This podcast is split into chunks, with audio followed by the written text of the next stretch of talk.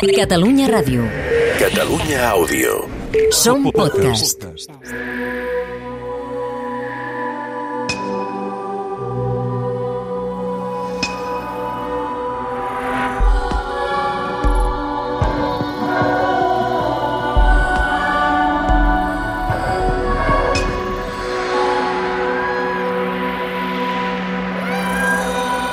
I me feu despullar per trobar-me la marca del dimoni. I com no la vegé, m'ha tirat tot d'aigua beneïda per damunt. Però tampoc aparegué la dita marca. I llavors buscar i buscar si tenia berrugues per qualcun lloc. No les trobà, però sí que va poder veure que jo era dona i no home. L'última bruixa. Episodi 5. Les dones barbudes.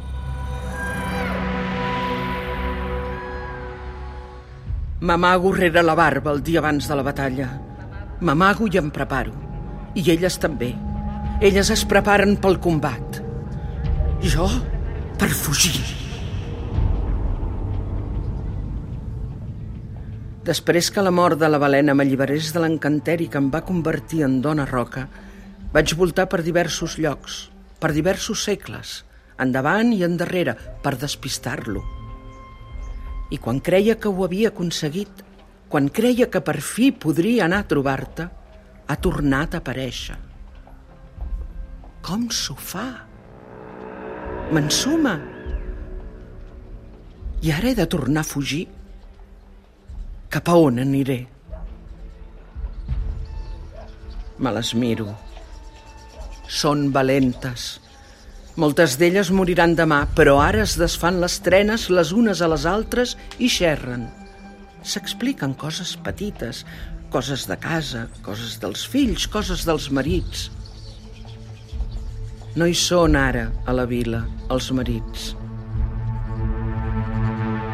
Tortosa. Any 1149.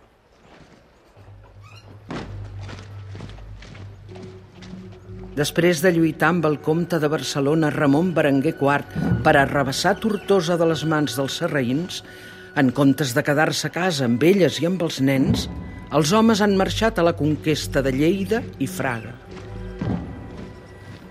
Elles, les dones, es desfan les trenes les unes a les altres i una diu «Per què marxen a la guerra?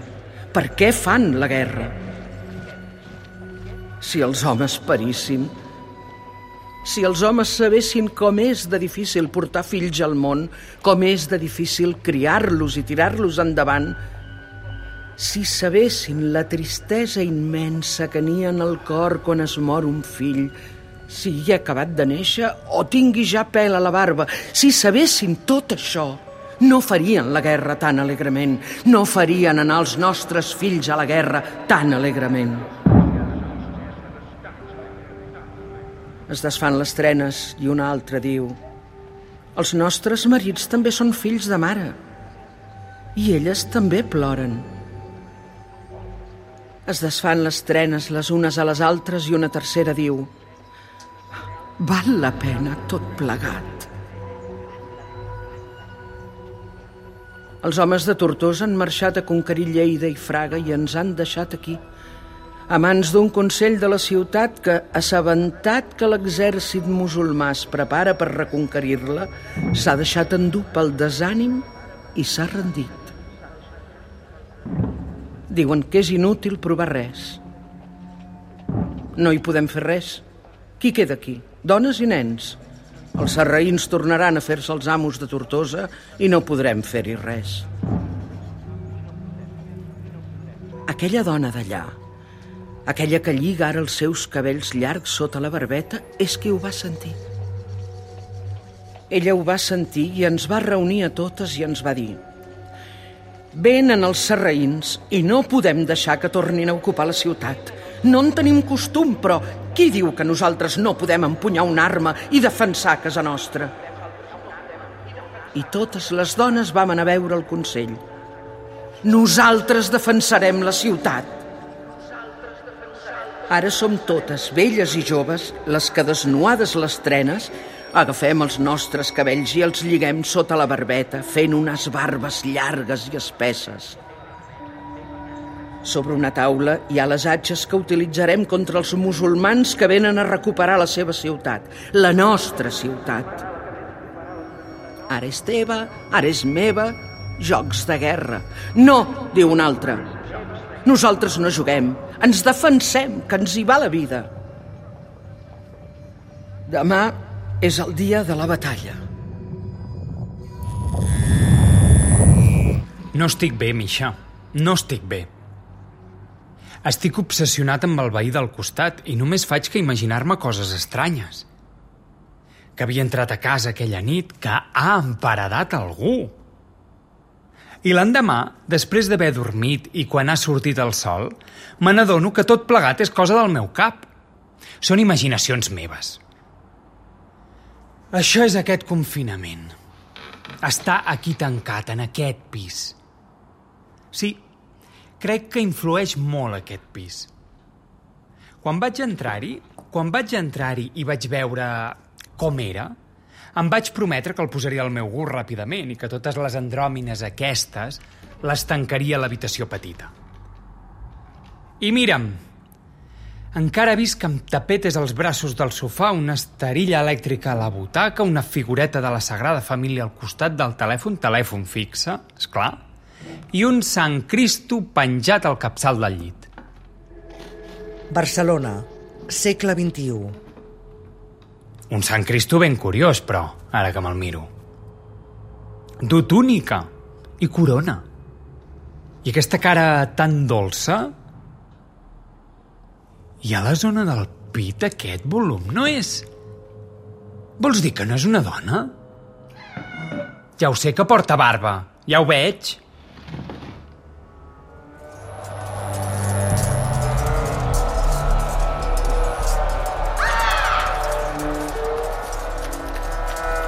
Els sarraïns ja han arribat a les portes de la ciutat i intenten entrar-hi. Elles la defensaran amb totes les seves forces. I jo les abandono, sí, però sé que guanyaran. Les he d'abandonar. Ell ve amb l'exèrcit sarraí per entrar a la ciutat i buscar-me i trobar-me. He de marxar mentre la lluita és aferrissada, mentre la confusió regna als carrers, mentre no hi ha dones, només soldats.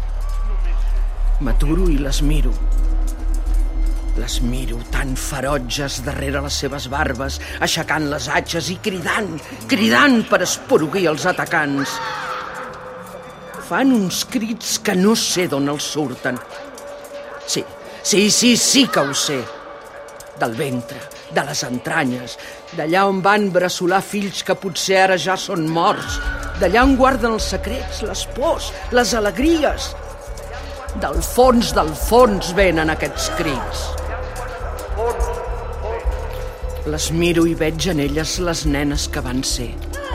Als ulls els veig la valentia i la determinació i a les mans l'impuls i la força. Aquest setge, aquesta batalla, els ha donat l'oportunitat de treure's les robes de dona i vestir-se amb les de nena salvatge, i torna a sortir de dins seu el crit apagat durant tants anys d'amagar la veu. Per un moment m'agradaria quedar-me i lluitar i treure tot això que tinc a dins i que no puc deixar sortir. Però no ho faré. Les deixaré defensant Tortosa i me n'aniré. Caminaré riu amunt mentre elles defensen la ciutat i a mi mateixa, perquè amb els sarraïns hi ve ell. Ell, sí. El caçador de bruixes. Ho vaig veure fa dos dies al fons del cossi d'aigua quan anava a rentar-me la cara. Sense que jo toqués l'aigua, es va fer com un remolí i quan es va aturar al fons es va anar dibuixant la seva cara. Primer el contorn, després els cabells, la boca, el nas, els ulls. I vaig tenir por.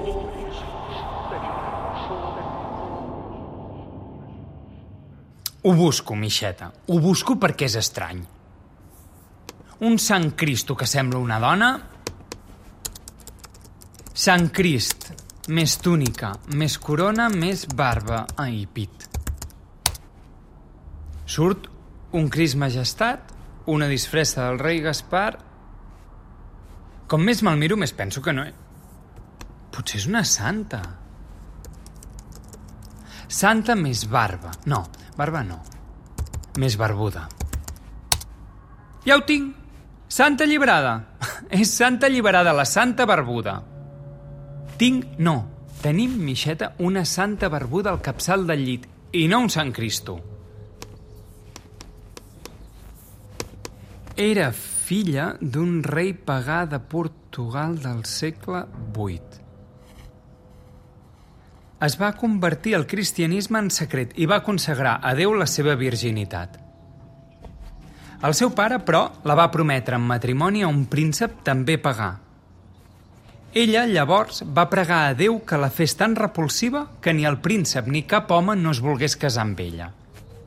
I Déu li va fer créixer una llarga barba.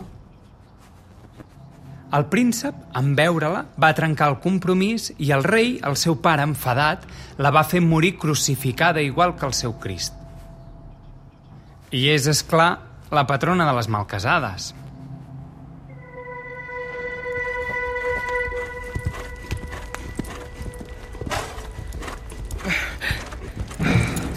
M'aturo en la meva fugida i miro enrere des d'aquest turó.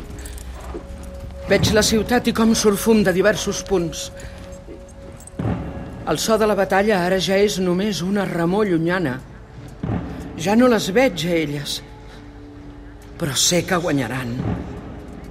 Sé que els sarraïns acabaran retirant-se i que quan Ramon Berenguer IV torni a Tortosa i vegi que continua sent cristiana gràcies a aquestes dones, fundarà per elles l'Orde de l'Atxa.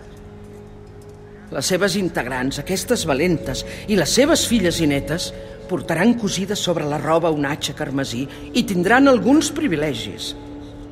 Podran heretar alguns béns del seu marit si els sobreviuen. I podran anar al davant dels seus nuvis i marits en alguns actes públics.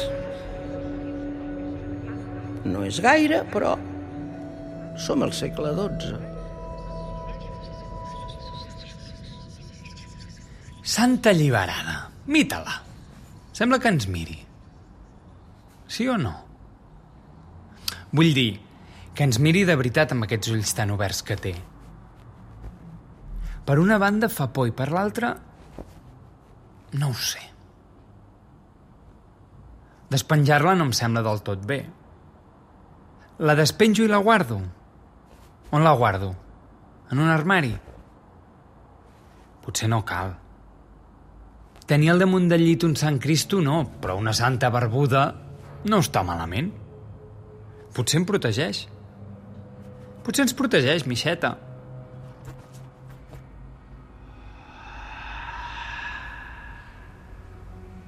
Si algú em sent, si aquestes paraules llançades al vent les recull algú, feu-les arribar a la Misha, que m'està esperant. Digueu-li que encara no puc venir, que no me n'he pogut desfer d'ell, que encara em ve al darrere, incansable. Digueu-li que tot i això estic bé, que volto pel món i pels diferents temps esperant el dia que podré anar a buscar-la. Vindré a buscar-te, Misha. Digueu-li tot això, si us plau, i que mentre no arribo es protegeixi, que es protegeixi d'alguna manera. Misha, Mixeta...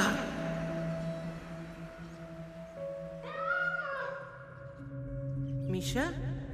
Hi ha dies que la noto, Misha... com si fos al meu costat.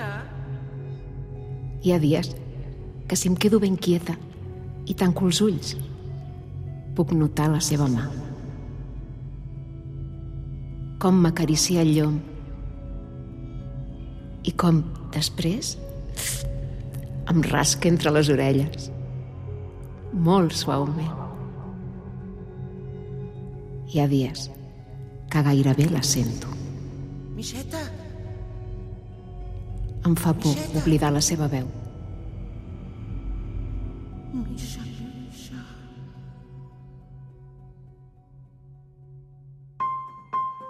Heu escoltat L'última bruixa, una producció del Departament de Cultura de la Generalitat de Catalunya, amb les veus de Mercè Arànega, Sergi Vallès i Chantal Emé.